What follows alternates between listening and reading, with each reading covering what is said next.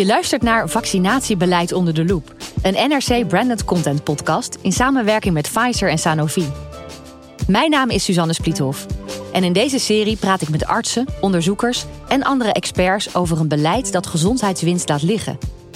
Dit is aflevering 4 en tevens de laatste aflevering van deze reeks. De toekomst. Wat hebben we geleerd van het verleden en van andere landen? Wat nemen we mee vanuit de pandemie als lessons learned om toe te passen in het algemene vaccinatiebeleid?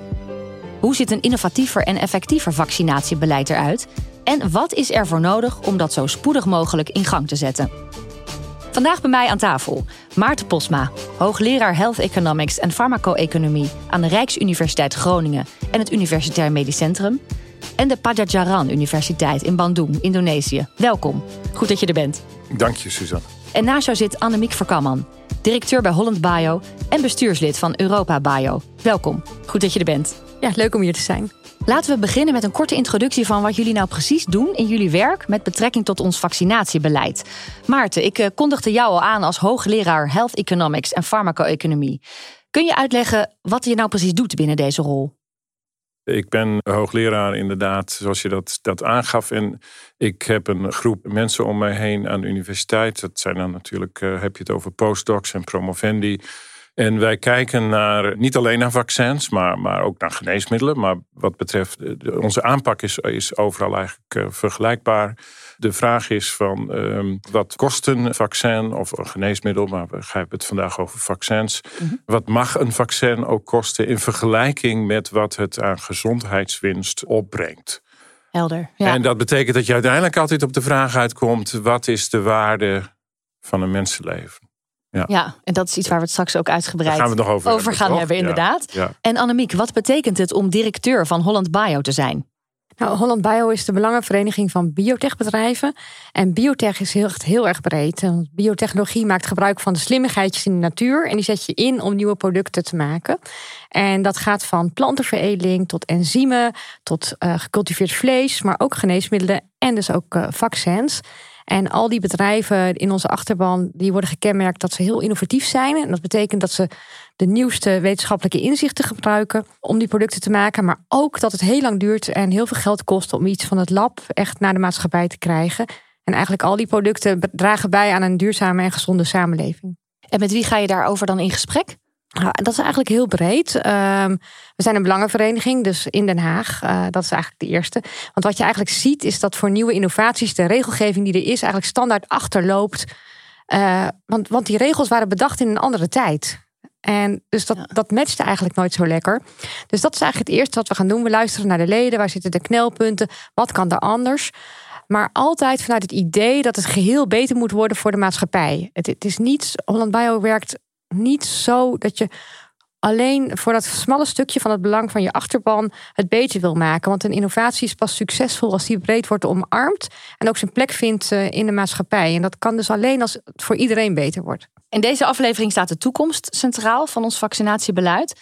Om nou goed vooruit te kunnen blikken, is het belangrijk om even kort terug te blikken. Dat gaan we nu doen. Dus welke lessen leren we nou uit het verleden? En wat hebben we geleerd van andere landen?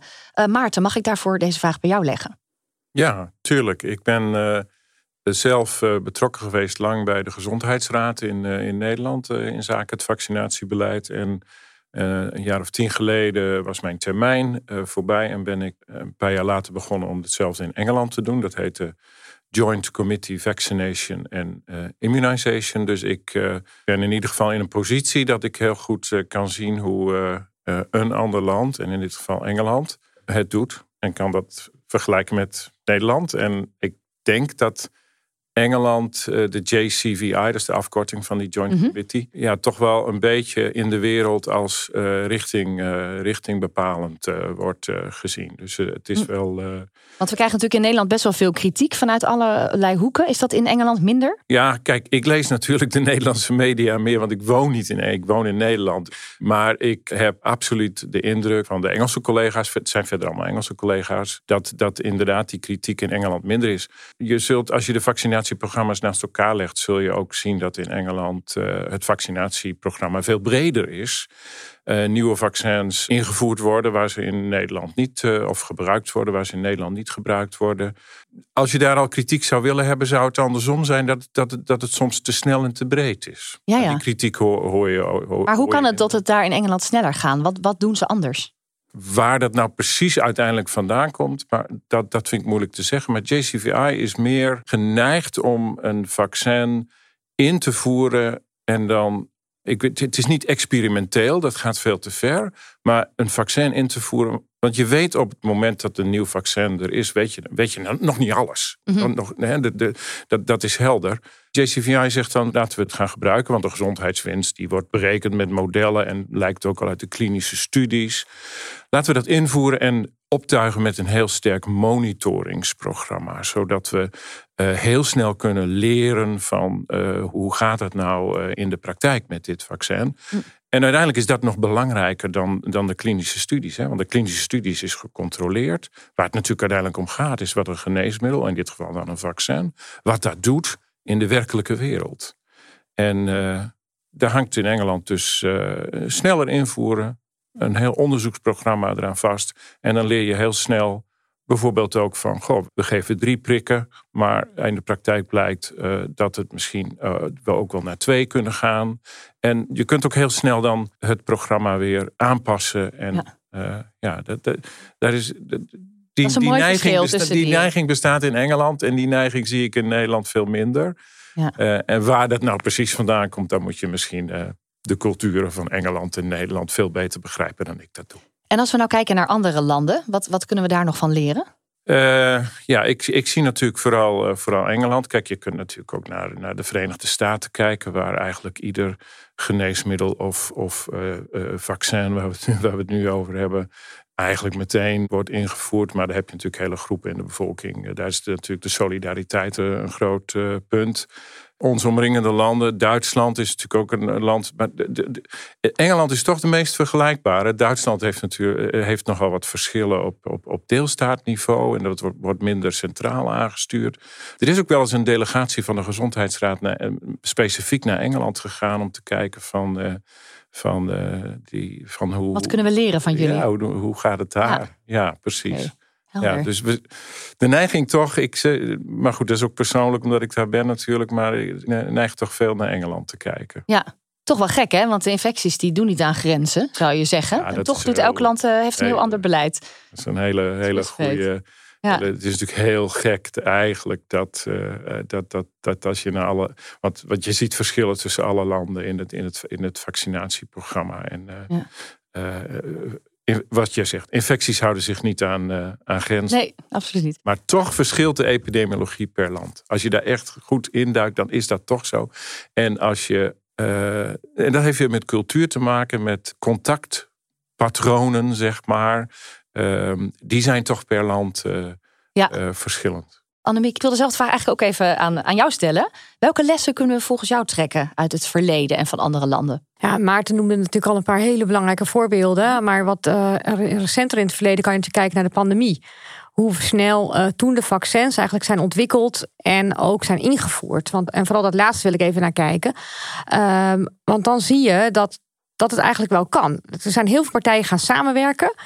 En die hebben met al heel vroeg in de, tijdens de ontwikkeling al meegekeken uh, met de fabrikanten. Waar staan we nu? Wat, welke informatie willen we hebben? En dat is een heel goed samenspel geweest tussen die partijen.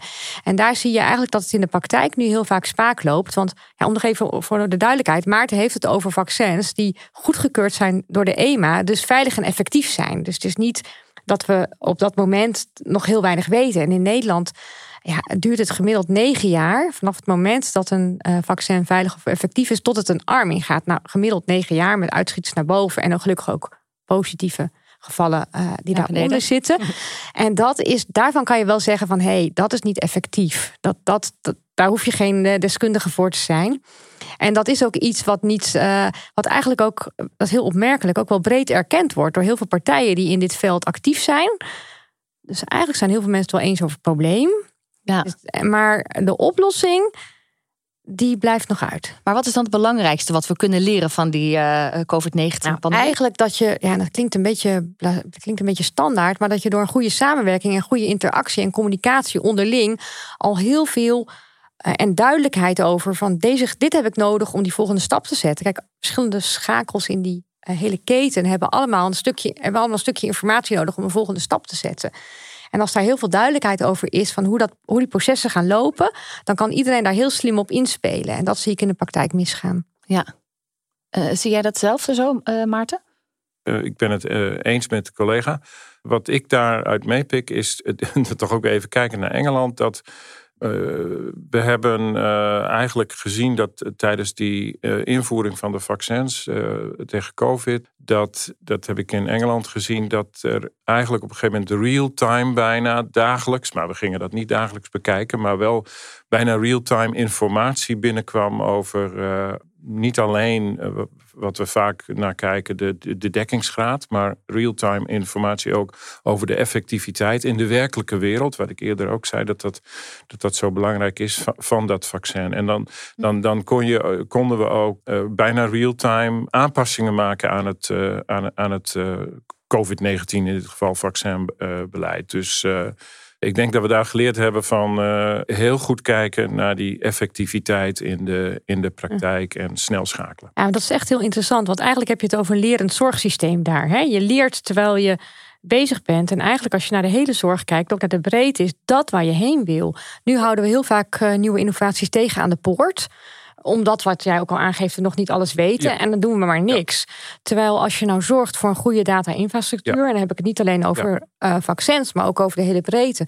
Dan kan je leren wat doet nou zoiets in de praktijk. Want ik ben het met je eens dat ja, we dat aan het begin nog helemaal nog niet zo goed weten. En als je die informatie dus weer terug kan koppelen in je systeem, door daardoor weer betere zorg te leveren, betere preventie en beter de goede doelgroepen kan benaderen. Van dit vaccin is heel, werkt heel goed in deze groep dan kan je zoveel gezondheidswinst boeken. Ja. Je moet ja, natuurlijk wel mooie, zeker mooie weten lessen. dat het veilig is. Ja, nee, maar dat staat buiten kijf. Dat, is, dat, dat staat buiten kijf. maar buiten- op- als, dat, als dat staat, dan Ja. kun je e- enorm veel leren. En eh, ja, de- de- eigenlijk, de- dan, dat lijkt ook dan een rol voor zoiets als eh, artificial intelligence eh, Absoluut. te zijn. Ja. Ja, dat is een goede. Daar heb ik laatst ook een artikel over gelezen. Eh, Begin deze zomer publiceerde de Wageningen Universiteit een artikel waarin zij de positieve aspecten van de toepassing van artificial intelligence benadrukken bij de ontwikkeling van vaccins. Hier volgt een kort fragment. De volgende generatie zichzelf vermeerderende mRNA-vaccins heeft minder bijwerkingen zoals koorts, hoofdpijn en vermoeidheid. Dit komt mede door de toepassing van artificial intelligence bij de ontwikkeling van de vaccins. Dat voorspelt Gorben Peilman, viroloog aan Wageningen University and Research, met zijn collega's in het opinieblad Trends in Biotechnology. Hoe kijken jullie nou naar die toepassing van AI in het ontwikkelen van vaccins? Jij noemde het al even, Maarten. Ja, ik, eh, ik, ben, eh, eh, ik heb geen achtergrond in de, in, de, in de technische ontwikkeling van vaccins. Dus ik vind het best moeilijk om te overzien hoe je dat in de ontwikkeling van een vaccin zou kunnen gebruiken.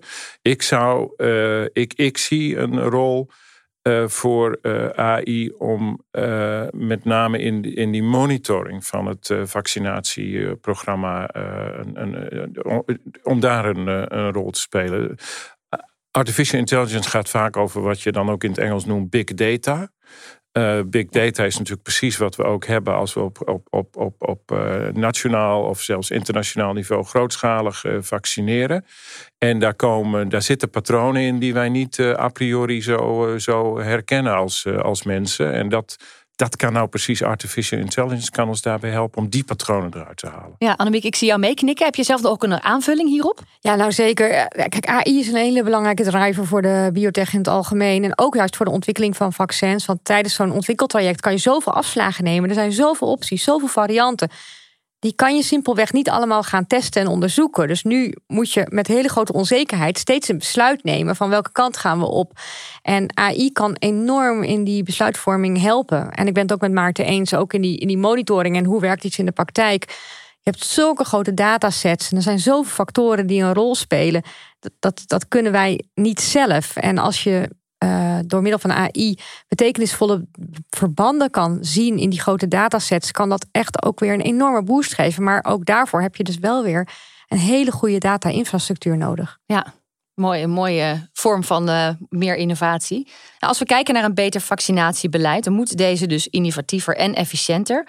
Op welke vlakken moet dat allemaal nog meer veranderen volgens u, mevrouw Verkammen? Ja, nou eigenlijk wat je eigenlijk wil, is nu zie je dat het een lappendeken is, dat hele vaccinatiestelsel. Dat heeft ook de Raad van Volksgezondheid en Samenleving geconcludeerd in een rapport een tijd geleden. Er zijn heel veel instanties bij betrokken, er zijn verschillende routes. Nou, wat je eigenlijk zou willen is dat als er een uh, nieuw vaccin is, dat je binnen een jaar duidelijk hebt wel, waar, moet zo'n, uh, waar zou dat nou een plek kunnen hebben in het systeem? Dat dat binnen een jaar duidelijk is en dat je dat nou, nog eens een jaar, dus pak een twee jaar hebt geïmplementeerd. Daarnaast moet er natuurlijk aandacht zijn voor communicatie, brede communicatie over vaccins. Uh, fabrikanten mogen dat niet doen en ik denk dat dat ook heel prima is. Maar dan moet wel een andere neutrale partij uh, mensen goed gaan informeren en die informatie moet goed te vinden zijn en ook toegankelijk zijn. En daarnaast denk ik ook dat we wat ambitieuzer mogen zijn op dit vlak. Um, we pleiten al heel lang voor een, een preventienorm. Dus je zou een bepaald deel van ons uh, bruto uh, nationaal product kunnen inzetten voor preventie. Omdat ja, voorkomen is nog altijd beter dan genezen. En dat, dat houdt dan ook in dat je voor vaccins een bepaald budget zou moeten reserveren. Want nu zien we soms ook wel eens als een vaccin uiteindelijk door al die hordes is. en al die tijd door allerlei systemen is. Dat aan het eind dat we concluderen dat de gezondheidsraad zegt.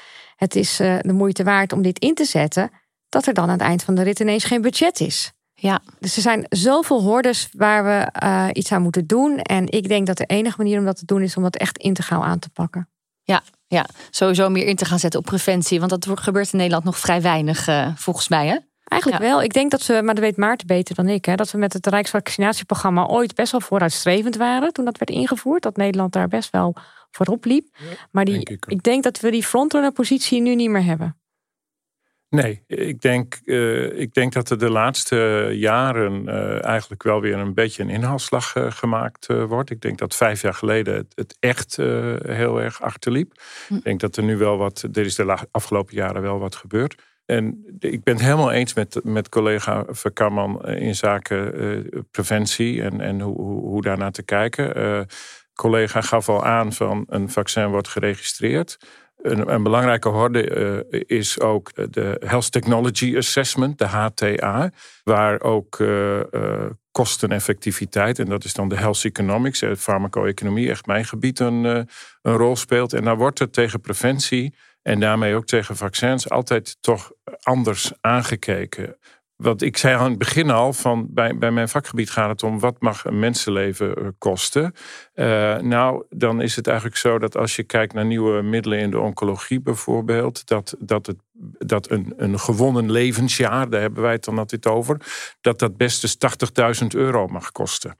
Uh, nieuwe middelen, geneesmiddelen zijn soms ook heel duur, maar die kunnen ondanks dat kosteneffectief zijn. Omdat die horde 80.000 euro, voordat je dat bereikt, mag, kun je best een hoge prijs. Uh, bij vaccins is dat heel anders. Bij preventie is dat heel anders. Daar, daar is de norm eigenlijk veel meer dat het maar 20.000 euro mag kosten om een levensjaar te winnen. En daar zijn allemaal redenen voor waar we nu niet uh, op in kunnen gaan. Maar, maar ik denk dat die 20.000 dat die ver omhoog moet en dat je preventie veel meer moet gaan zien als een investering dan als een kostenpost. Ja, dus het zou veel meer gelijk getrokken moeten worden eigenlijk. Gelijk getrokken en dat budget wat jij ook noemde, dat zou niet, dat, dan, dan kijk je naar preventie als een kostenpost, maar het is een investering.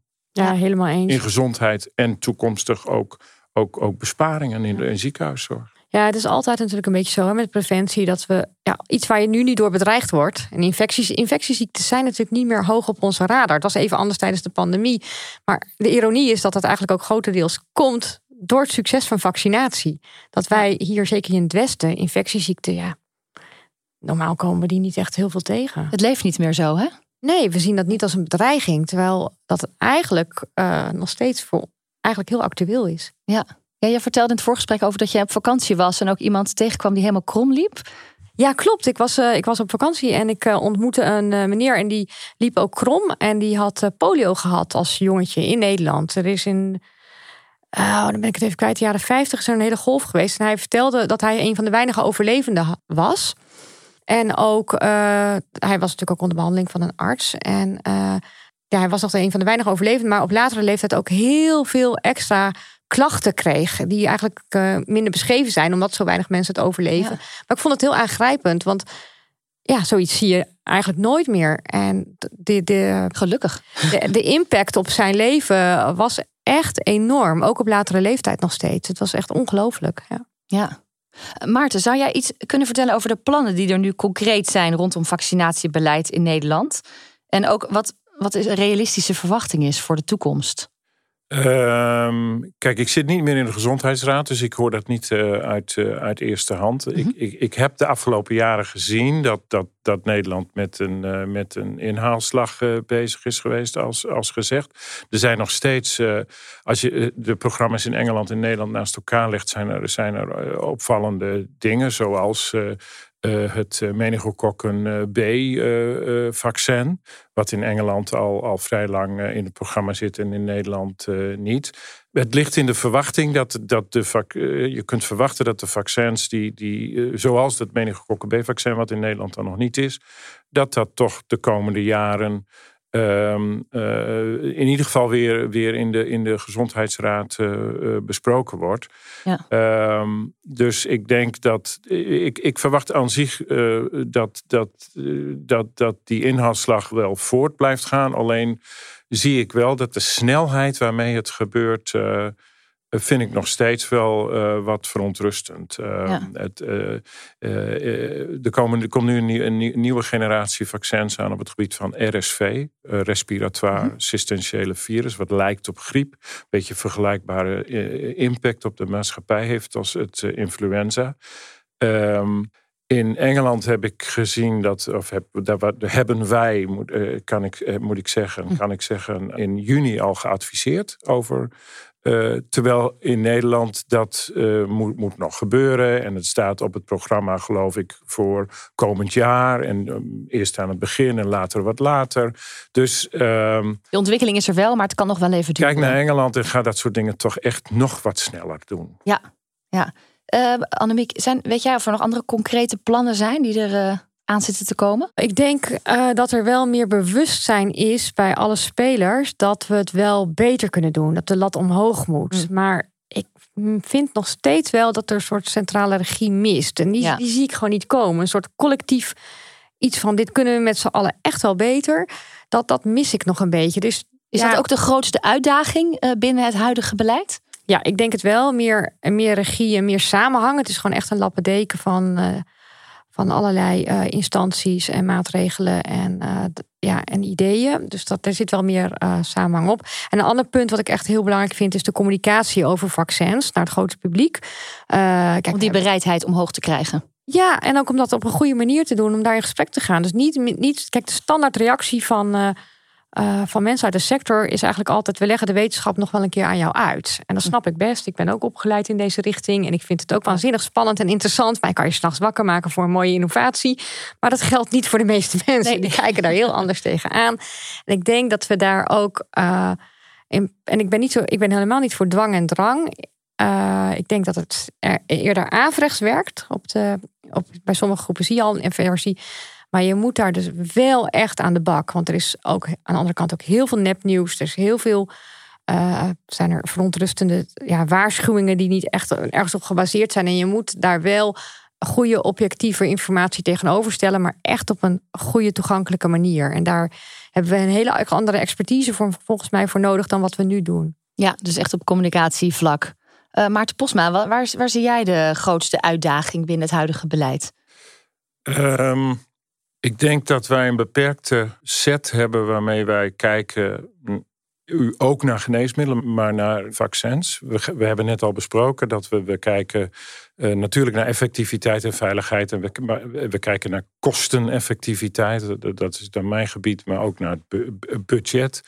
Maar er zijn uh, allerlei aspecten die we eigenlijk niet meenemen en die, die, die, we wel mee moeten gaan nemen in de, in de beoordeling van vaccins. En dan denk ik aan terug aan uh, COVID, uh, toen de vaccins kwamen. En wat een geruststelling dat de mensen gaf. En tenminste een groot deel van de mensen gaf. En daarmee ook het maatschappelijk leven eigenlijk weer, weer kon ontstaan. Nou, de, dat heet dan in het Engels peace of mind. Dat is dan een van de, van de waardes van een, die, die vaccins kunnen geven. Ook ouders die natuurlijk gerustgesteld zijn dat hun vaccin beschermd is. dat hun kind, kind beschermd is tegen bijvoorbeeld meningokokken. dus, dus dat is een van de waardes die, uh, die, die, die, en zo zijn er meerdere waarden. Je kunt ook aan de, de kwaliteit van leven, niet alleen van, van, het, van, van het kind wat, die de ziekte kan krijgen, maar denk ook aan de kwaliteit van leven van de ouders die rond het uh, ziekbed van, een, uh, van een kind zijn. Dus ik, ik vind het wel een uitdaging om eens even verder te kijken dan onze neus lang is en naar de, de, de, de, de bredere waardes die, die, die uh, vaccins uh, vertegenwoordigen. Ja, en als ik nog wat mag aanvullen. zeker. We kijken nu heel erg, we hebben in Nederland het Rijksvaccinatieprogramma. En ook als ik naar Engeland kijk, dan kijken ze veel meer van wat heb je nou, welke vaccins zou je nou door je leven heen nodig hebben. Weet je wel, bij ons zit het heel erg tussen de oren van dat is iets voor, uh, ja, voor kleine kinderen. Want dan ga je naar het Rijksvaccinatieprogramma. En als je basisschool hebt en tot en met de middelbare school heb je, zit je in dat programma en dan ben je klaar.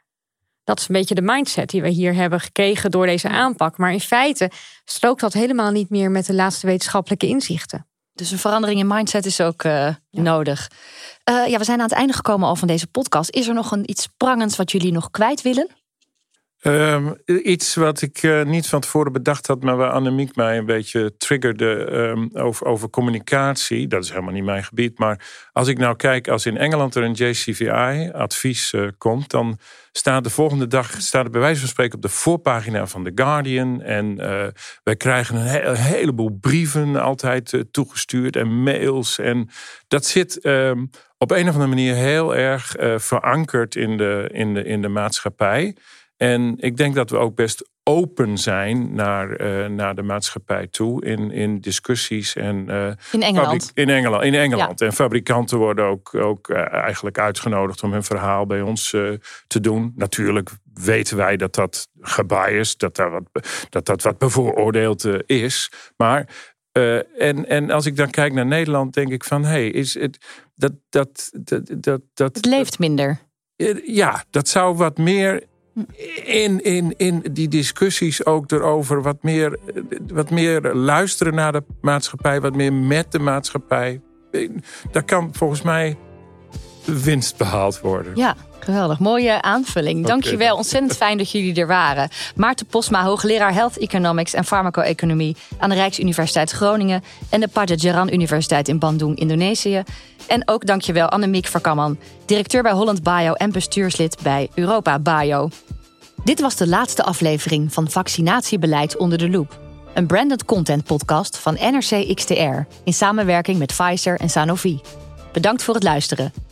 Ga naar nrc.nl slash brandedcontent slash Pfizer-Sanofi om alle afleveringen te beluisteren. Of vind deze in de NRC Audio app of het podcastplatform van jouw voorkeur.